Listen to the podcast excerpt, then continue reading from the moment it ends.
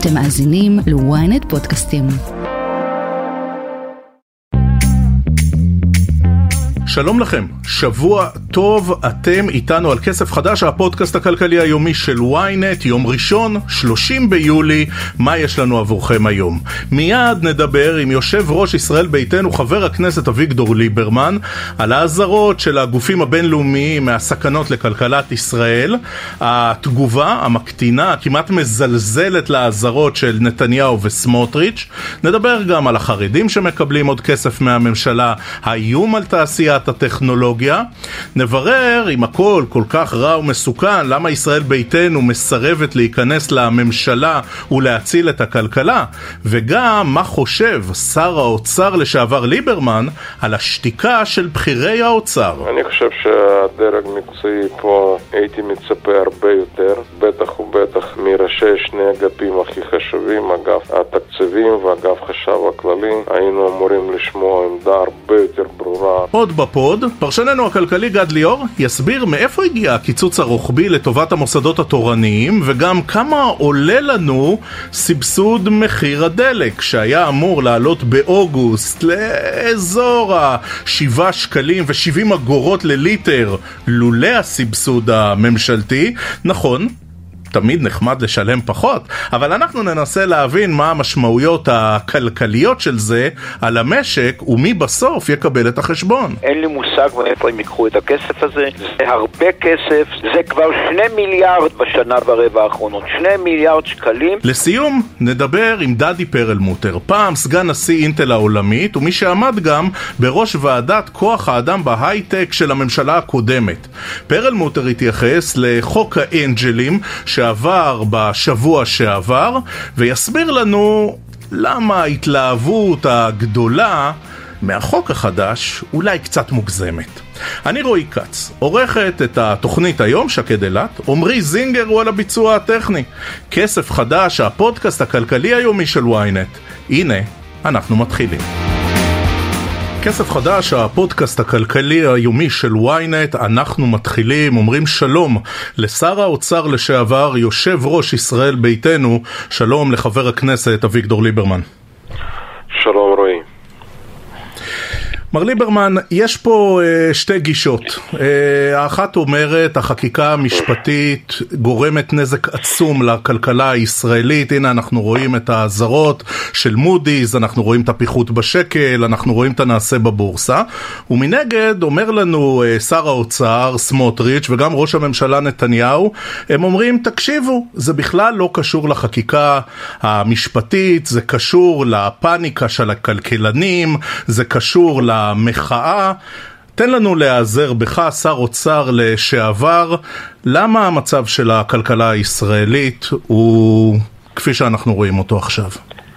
תראה, מה שבמקרים כאלו נכון לעשות זה לפנות לנתונים, לא להקשיב לאישים פוליטיים כאלו ואחרים, פשוט לקחת נתונים או להקשיב לאנשים באמת אני לוקח נגיד לשעבר יעקב פרנקל, איש אה, מאוד מאוד קרוב לנתניהו בזמנו, מונה על ידי נתניהו, ואנחנו שומעים מה אומר יעקב פרנקל, אזהרות חמורות ביותר.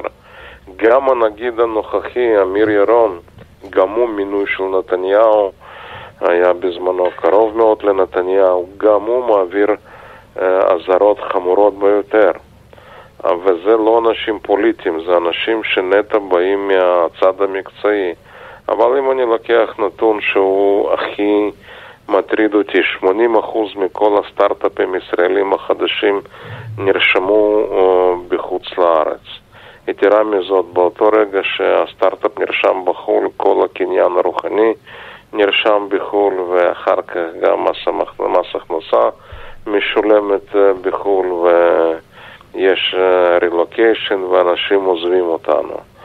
גם מבחינת ההשקעות, אנחנו ראינו נתונים אה, מדויקים, אה, מה שמפרסמת רשות לחדשנות, שזה גוף ממשלתי, שייך למשרד המדע, הוא מדבר על ירידה כ-70% בהשקעות זרות בהייטק ישראלי.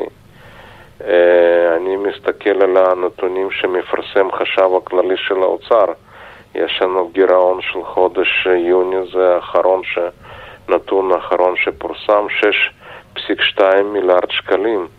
זה הגירעון של חודש יוני. אני רוצה להזכיר שבזמנו קיבלתי כלכלת ישראל, הגירעון היה 144 מיליארד שקלים, אבטלה 9.1, כשאני עזבתי את האוצר, בקופה היה עודף של 10.5 מיליארד שקל ובלי אבטלה. אז אה, אבל. פה יגיד לא. סמוטריץ', גם אני מסתכל על הנתונים. אני אה, מסתכל על הבורסה, ואני רואה שיש לה ימים אדומים וימים ירוקים. תראה, אני רואה בורסה, נתוני בוא, אינפלציה. בוא, לגבי בורסה, לגבי בורסה, בורסה ישראלית עלתה מתחילת השנה ב... אני יודע, 3-4 אחוז. נסדק במקביל עלו 40 אחוז. אולי קצת יותר מ-40 אחוז. זה כל ההבדל. תמיד היינו איכשהו צמודים לנסדק, מקבילים לנסדק. גם ברגע שנסדק היה עולה, ההשקעות היו גודלות במשק ישראלי. פה אנחנו רואים תופעה הפוכה, נסדק עולה וההשקעות בורחות. תראה, מה שצריך להבין, אה, המדיניות, הקברניטים הנוכחים, מה שהם ייצרו פה זה חוסר יציבות וחוסר ודאות. כלכלה מחייבת ודאות ויציבות, וזה פשוט נעלם. והם פגעו גם באמון המשקיעים, וזה הדבר הכי חמור. אתה יודע, מחיר כזה עולה, יורד, זה פחות חשוב. מה שחשוב, אם פגעת באמון של המשקיעים, לשקם את האמון, להחזיר אותם, זה לוקח שנים. היום עולם פתוח, יש להם uh, מספיק uh, אפיקי השקעה, הם לא יחזרו לפה. או להחזיר אותם תהיה מלאכה קשה. ודווקא בעידן הזה... חבר הכנסת ליברמן, כן. לפי הדיווחים, מי שהתגייס לעזור לנתניהו ולסמוטריץ' היה נשיא המדינה הרצוג, שגם הוא דיבר עם חברות דירוג האשראי והרגיע אותם, ואמר להם, תקשיבו, את החקיקה הזאת אה, יקדמו בהסכמה. במודי'ס אפילו לא מסתירים את uh, ההלם שאחז בהם מהרגע שהבינו שרימו אותם. עד כמה טעה נשיא המדינה שהוא התגייס לטובת סמוטריץ' ונתניהו ואמר את הדברים האלה לחברות? חברות האשראי? קטונתי מלשפוט או לתת עצות לנשיא המדינה, הוא לא זקוק לעצות שלי, הוא בן אדם מנוסה, והוא פועל לפי מיטב הבנתו. אבל אם אני רוצה לחזור לממשלה, תראה, איפה אני מסתכל, איפה קיצצו בתקציב הנוכחי? ברשות לחדשנות, על רקע כל מה שכרגע דיברנו, תקציב הרשות לחדשנות קוצץ ב-100 מיליון שקלים. אבל אנחנו מתבשרים רק היום שבממשלה מעבירים 146 מיליון שקל תוספת למוסדות תורניים. 164, אדוני. 164, סליחה, אני הפוך, 146. 164 מיליון, 164.5 אה, מיליון שקל למוסדות תורניים. זה פשוט טירוף.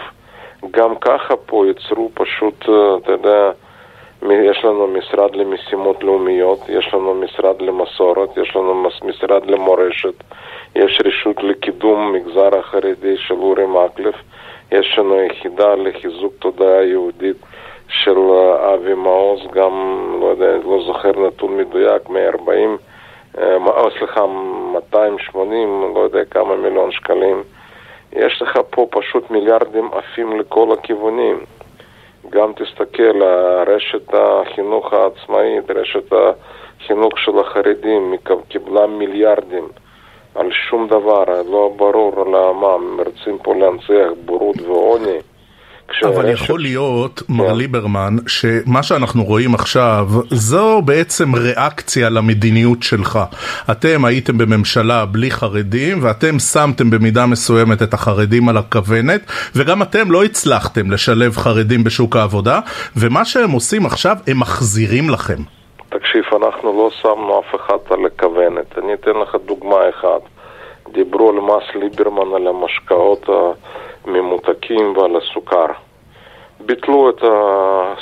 ביטלו בינתיים את המס הזה, ואחרי ביטול זה עלה כרגע, עולה יותר מאשר אה, בתקופתי כששמתי מס. יתרה מזאת, אנחנו פתאום שומעים, נתניהו גילה את אמריקה, הוא פתאום אומר, או, איזה פה מצב חמור, כמה, מה קורה עם הסכרת במדינת ישראל, עם השמנה, איך זה משפיע, צריך דחוף לעשות משהו. הרי כשהיית באופוזיציה אמרת, אני זוכר שהוא הפיק איזשהו סרטון שהוא ישמח לבטל את מס ליברמן. פתאום הוא מדבר בדיוק הפוך. אנחנו ניסינו להתמודד בצורה הוגנת, ניסינו להסביר, גם בנושא חינוך. היינו מוכנים לשלם הרבה כסף על מנת שייכנסו ללמוד לימודי ליבה. הגענו להסכם, 6,000 שקל פר תלמיד לשנה, על כך שכל המערכת תיכנס שם, בהתחלה דיברנו עם חסידות בלס שייכנסו ללמוד לימודי כן. ליבה. מה עושה נתניהו? אומר, אני אתן לכם כל אותם כספים, אבל אל תלמדו לימודי ליבה. זה הרי טרלול מוחלט. אנחנו באמת ניסינו לקדם, לתת תמריצים ליציאה לעבודה. הרי כרגע נתנו כל התמריצים שליליים לצאת לעבודה. אם הכפילו, אם מכפילים תקציב הישיבות, העלו את הקצבה לאברכים ב-50%, רוצים לחלק עוד מיליארד שקל תלושי מזון, יצרו תעריף לתחבורה ציבורית מיוחד לחרדים, למה שהם יצאו לעבוד? הרי כל הפו... אבל יכול להיות שהצעדים היו נכונים, אבל הם לא התבצעו טוב פוליטית, כי הנה, עובדה שהממשלה הלא כל כך חדשה כבר ביטלה את זה רגע אחרי, זה נכון גם לביטול של מעונות, אה, ביטול מימון מעונות למי שלא עובד. יכול להיות שהצעדים שעשיתם, מר ליברמן, היו רדיקליים מדי? הם לא היו רדיקליים, אנחנו באמת פעלנו מתוך ממשלה עם uh, ממשלה צרה לצערי. עם יתרון מאוד מאוד זעום, ולכן היה נורא קשה לפעול, אבל עוד פעם אני אומר לך, לפחות כשאני סיימתי את תפקידי כשר האוצר, בתום uh, שנת 22, שבועון uh, מאוד uh, חשוב בתחום הכלכלי, דירג את הביצועים של כלכלת ישראל במקום רביעי בעולם. זה לא פשוט להגיע לדירוג הזה, להגיע לדירוג, ואני מדבר על כמובן כן. על האקונומיסט הבריטי, mm-hmm. השבועון אקונומיסט בריטי, דירג את הביצועים של כלכלת ישראל במקום רביעי בעולם. תראה איפה אנחנו נמצאים היום. שנת דור מכל ה... מר ליברמן, אני רוצה, אני רוצה בבקשה לדבר על uh, סוגיה מקצועית והיא מחירי הדלק. מחירי הדלק יישארו לנו, האזרחים, uh, זהים באוגוסט, uh, ו... הממשלה פה בעצם מסבסדת את, ה, את הדלק, כן, היא מסבסדת את מס הבלו, זה התחיל גם בתקופה שלך, ובאוגוסט זה כבר עולה רבע מיליארד שקל לתקציב המדינה, זה רק על אוגוסט. אמ, עמדתך המקצועית, זה לא הופך לבעייתי? תראה, קודם כל לא ברור למה מקורות התקציב. הם רק הודיעו שהם הולכים... Uh... להקפיא מחירי הדלק ולא ייתנו לעלות, הם לא הצביעו על מקור התקציב. אה, מה היה המקור התקציבי כשאתה עשית את זה? אנחנו בזמנו גבינו הרבה כסף אה, דיבידנד מחברות ממשלתיות וגם הצבענו בדיוק מאיפה, מה לקחנו, ממי, כמה כסף הצטבר, מה מקור תקציב לכל ההוצאה. פה אין שום אה, הודעה מה מקור התקציב וזה מאוד מאוד, אה, אני אומר לך משהו... אה, לא סביר, לא מתקבל על הדעת. ולכן אה, פה גם צריך אה, במכשיר הזה של מס בלו לטפל בו בצורה עדינה ושקולה, עדינה ושקולה. מה שאני רואה בינתיים, שמעלים, זאת ההודעה מהיום, מעלים שכר של כל עובדי המועצות הדתיות, זה טרלול מוחלט. דווקא עכשיו, תראה, פה היום מעלים 64 מיליון לאברכים, עכשיו לעובדי מועצות דתיות. אין לחיילים משוחררים, אין לניצולי שואה, אין שום הטבה למעמד הביניים. וצריך להבין, אם אני לוקח לדוגמה, אה, אני מדבר איתך כרגע מירושלים, אז רק בירושלים, אני יודע, יש 750, 740 עובדים וגמלאים במועצה הדתית. ראש המועצה הדתית בעיר כמו ירושלים, אני מניח, מרוויח לפחות 23 אלף שקל. אז כרגע מעלים לכל עובדי מועצות דתיות אה, שכר, אה, או בעיקר, בעיקר לבכירים, לאותם אנשים הבכירים אה, שהם באמת בראש הפירמידה ומקבלים שכר באמת נאה. כן. מקבלים להם. לפני זה ראינו שהעבירו חוק. מייצרים עוד 1,040 משרות של רבנים, רב היישוב, רב שכונה, רב מועצה אזורית, אה, כל עיר מעל 50 אלף יהיה אפשר למנות שני רבנים ראשיים.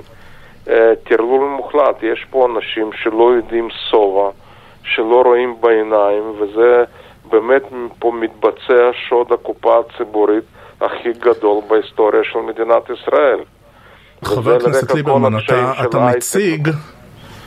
אתה מציג כן. תמונה מאוד מאוד עגומה, ואתה אומר יש פה שוד של הקופה הציבורית, ואתה מתאר סיטואציה של ביזה. יכול להיות שהדבר האחראי עכשיו זה להיכנס לממשלת נתניהו, להקים ממשלת אחדות, חזרה שלך אדוני אולי למשרד האוצר, ולהציל את כלכלת ישראל. האם זה לא המעשה הפטריוטי הנכון לעשות? אתה צודק, מדינה לפני הכל. ולכן אני אומר לך, הבעיה הכי גדולה שלנו זה נתניהו עצמו שמהווה סכנה מיידית ומוחשית לקיום מדינת ישראל. אני אומר לך במלוא האחריות, האיש מהווה פשוט סכנה מיידית ומוח... ומוחשית לקיומנו, ולכן לתת יד להאריך את שלטונו אפילו ביום אחד זה בלתי אחראי. זה בלתי אחראי עם כל הכיף שבדבר. ואני מקווה שחבריי בליכוד ישכילו לעשות מה שהם צריכים לעשות ולהגיד לו תודה ושישחרר, לשלוח אותו הביתה. פשוט האיש חייב לשחרר, הוא לא מתפקד, לא בפן הביטחוני, לא בפן אבל נתניהו לא משחרר, ולפחות הבעיות אה, המשפטיות. שלו נראות אה, פחות קשות ממה שהם נראו לפני תראה, חצי זה... שנה במיוחד. אני, אני, לא, אני לא נכנס לנושא המשפטי, אני יודע איפה אנחנו היינו ב-29 לדצמבר 22 ואיפה אנחנו נמצאים היום. עברו שבעה חודשים. כמו שאמרתי, תסתכל איפה אנחנו היינו ב-29 לדצמבר. היחסינו עם ארצות הברית היו תקינים וקרובים. אף אחד לא דיבר על מלחמת אחים. הכלכלה, כפי שהזכרתי, דורגה במקום רביעי בעולם, ביצועים של הכלכלה הישראלית. ואיפה אנחנו נמצאים תוך שבעה חודשים? תסתכל גם בפן הביטחוני. הקימו לנו שם יישוב בצפון, נבע נסראללה. הוא לא פשוט מסוגל להתמודד עם זה. ובכלל, תראה, איש כנראה, אמרתי את זה כבר, אה, כנראה מבחינה רפואית כבר לא... מסוגל לעמוד במתח ובקצב שמחייב תפקיד ראש ממשלה. ודבר הכי חמור, הוא לא, הרי הוא, התח, הוא התחתן חתונה קתולית עם ש"ס ויהדות התורה, הוא לא מוכן להיפרד מהם. אין שום טעם להיכנס כל עוד שתי עסקנים של שתי המפלגות... אם היה נתניהו אה, אומר שלום לש"ס ויהדות התורה, אתה היית נכנס לממשלה שלו? גם ליהדות התורה, גם לסמוטריץ' וגם לבן גביר, ואני שואל אותך, מה הסיכוי שזה יקרה? מה אתה נותן? אתה עיתונאי ותיק, מנוסה, ראיינת כמעט כל איש פוליטי במדינת ישראל.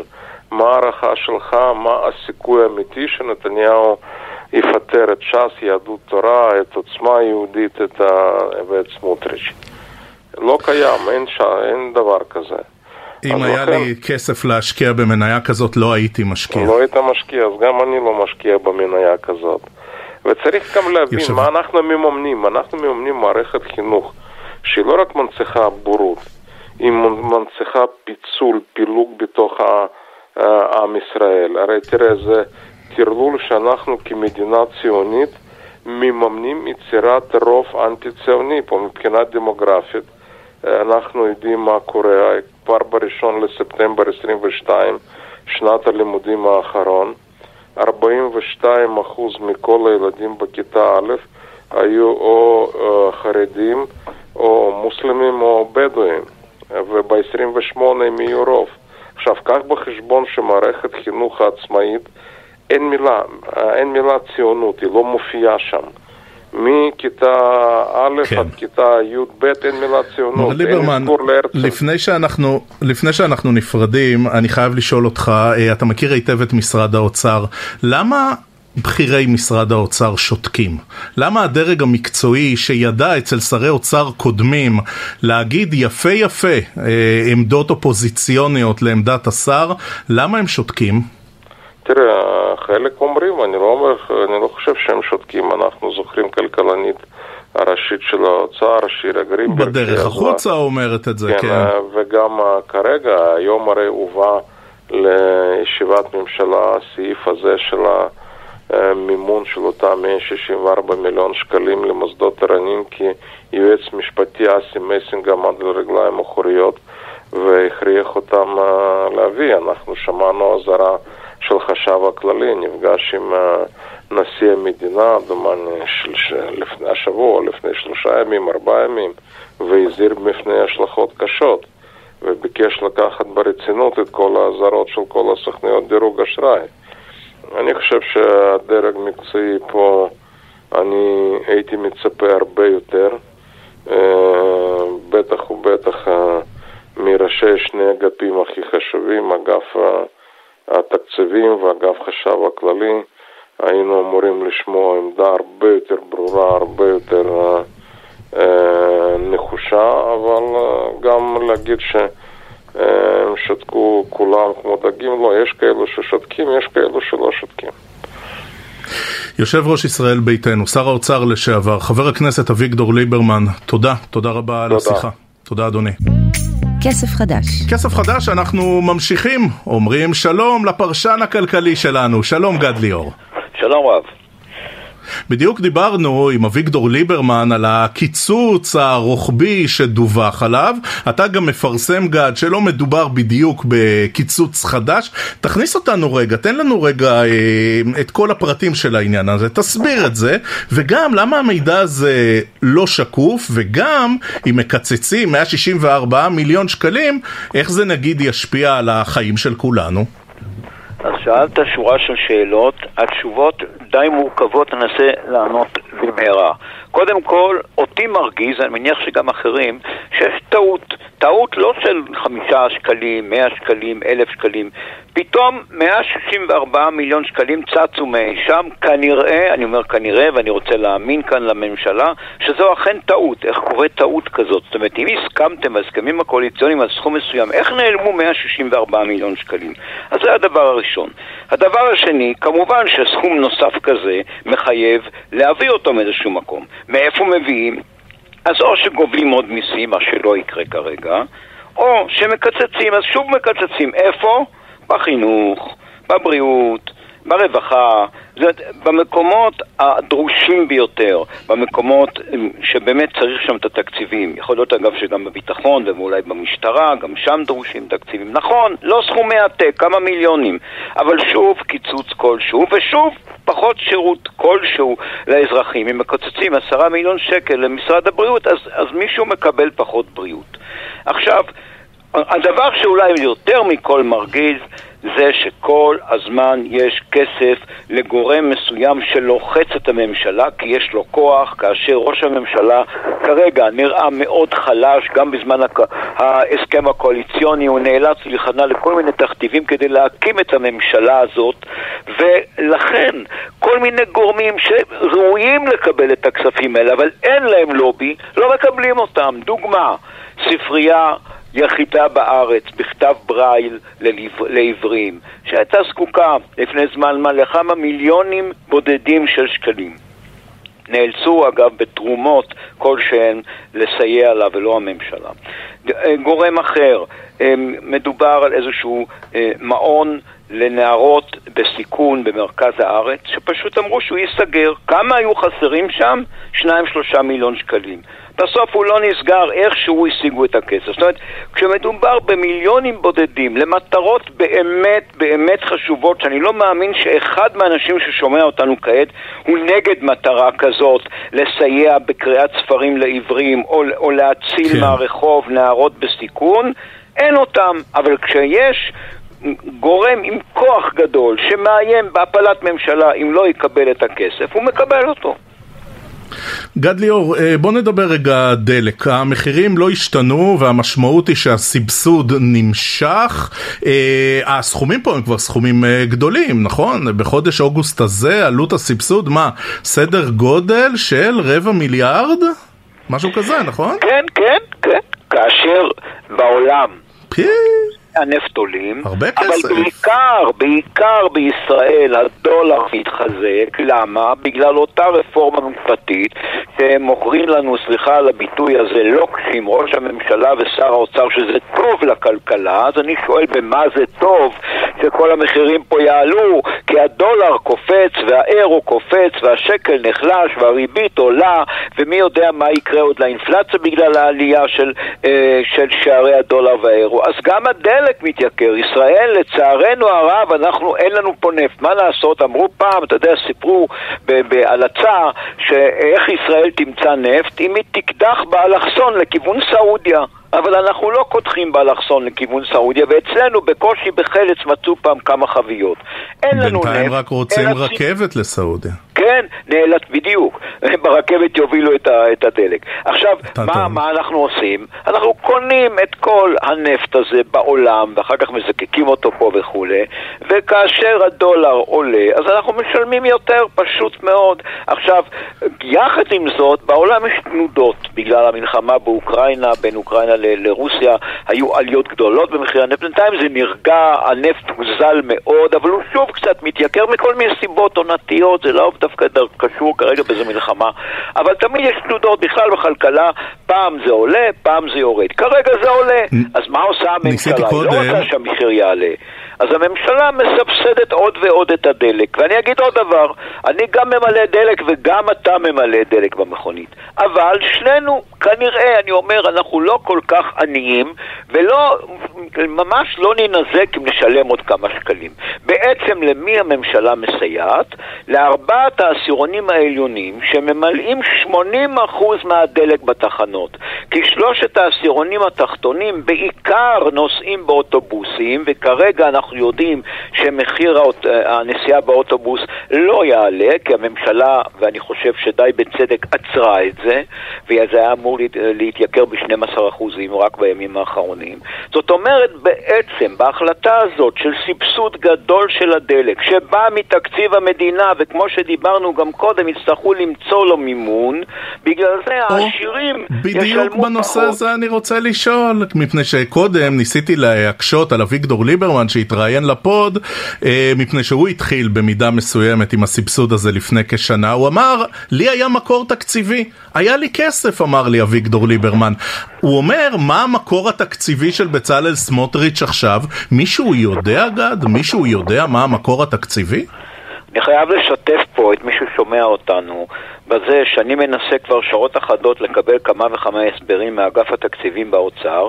בהתחלה לא רצו בכלל לסייע, אני לא יודע אם הם בעצמם יודעים מאיפה. עכשיו הם אומרים לי שעוד מעט הם כן יסבירו. אני ממש לא כך יודע, יש לנו רזרבה תקציבית ויש כל מיני מקומות אחרים. צריך לקחת את זה ממיסים. זאת אומרת, כשמורידים מס צריך לקחת את זה ממיסים רצוי ולא מקיצוץ תקציבי.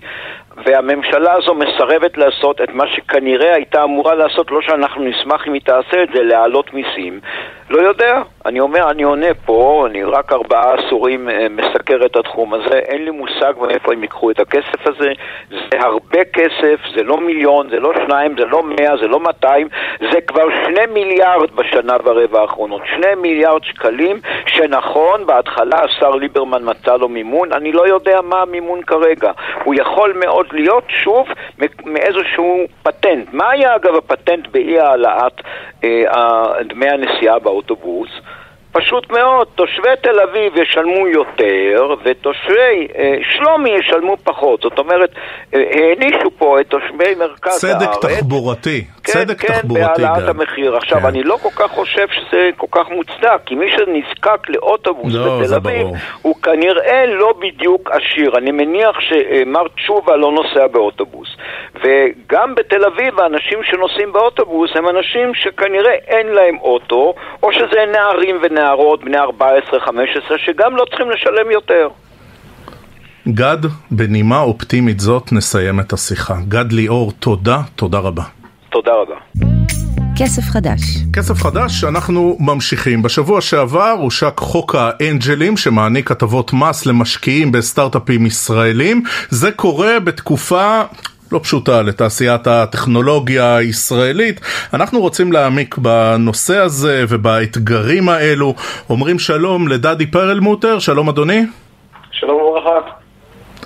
לשעבר סגן נשיא בכיר באינטל העולמית ומי שעמד גם אה, בראש הוועדה לגיוון ההון האנושי בהייטק, מר פרלמוטר, תסביר לנו רגע את חוק האנג'לים שאתה יודע, שרי הממשלה ככה מיהרו גם בעבר, גם בהווה לקחת עליו אה, קרדיט, אבל בוא תעזור לנו להבין למה הוא חשוב.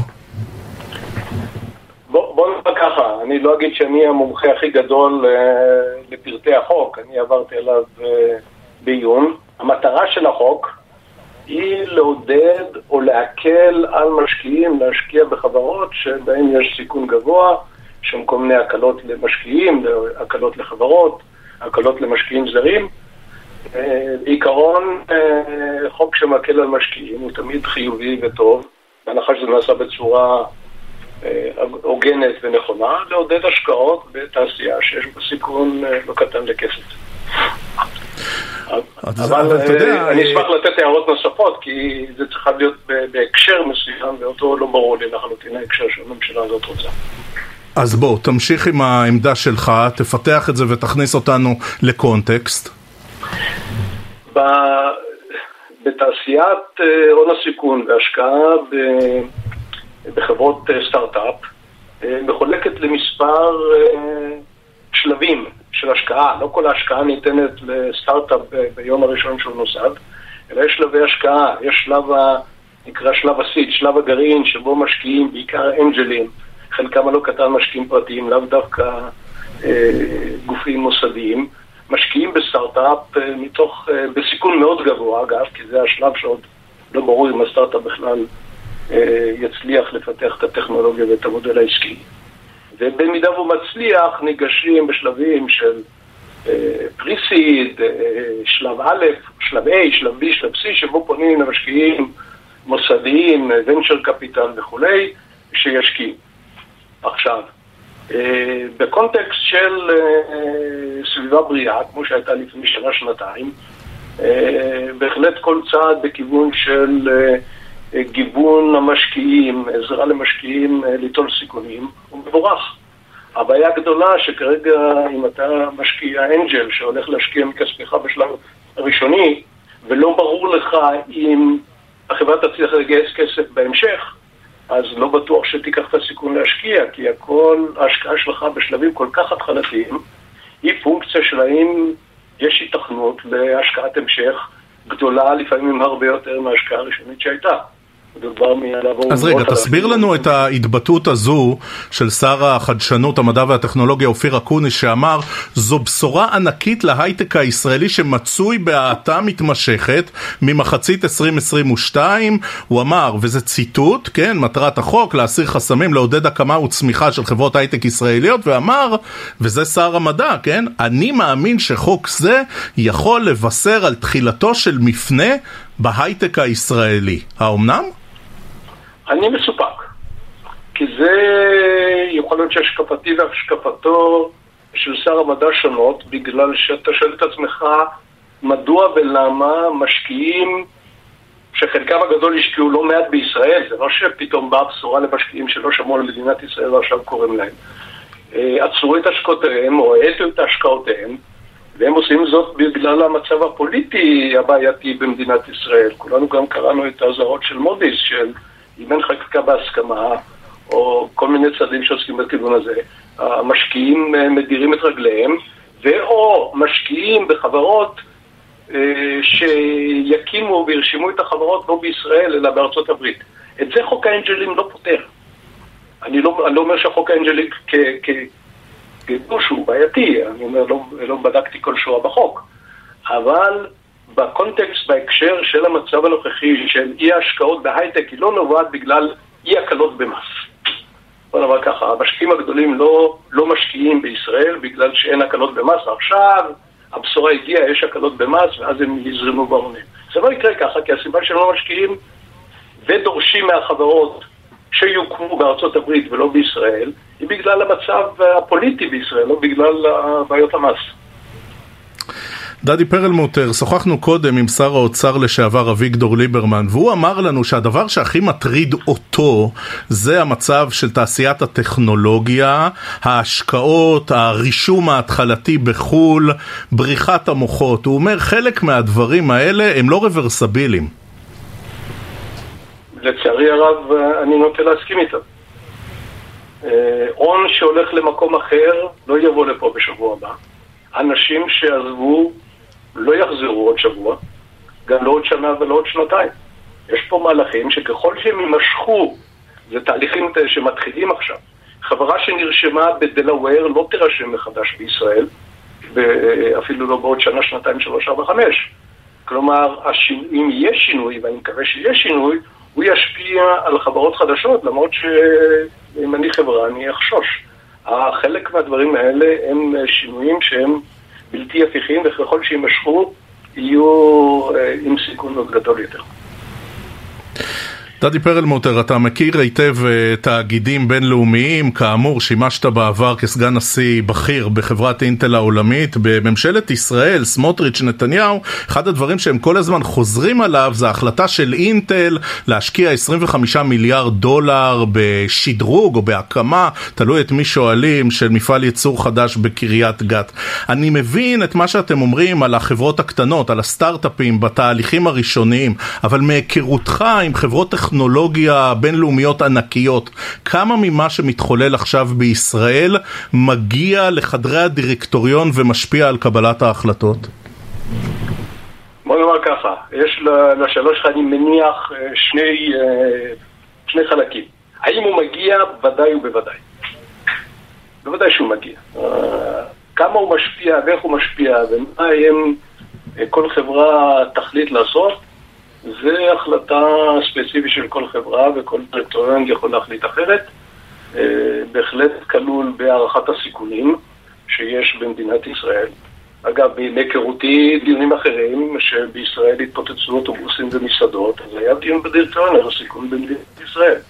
ללא ספק הוא אה, לשמחתנו הרבה, אה, לפחות חברת אינטל המשיכה להשקיע וגם גורמים אחרים.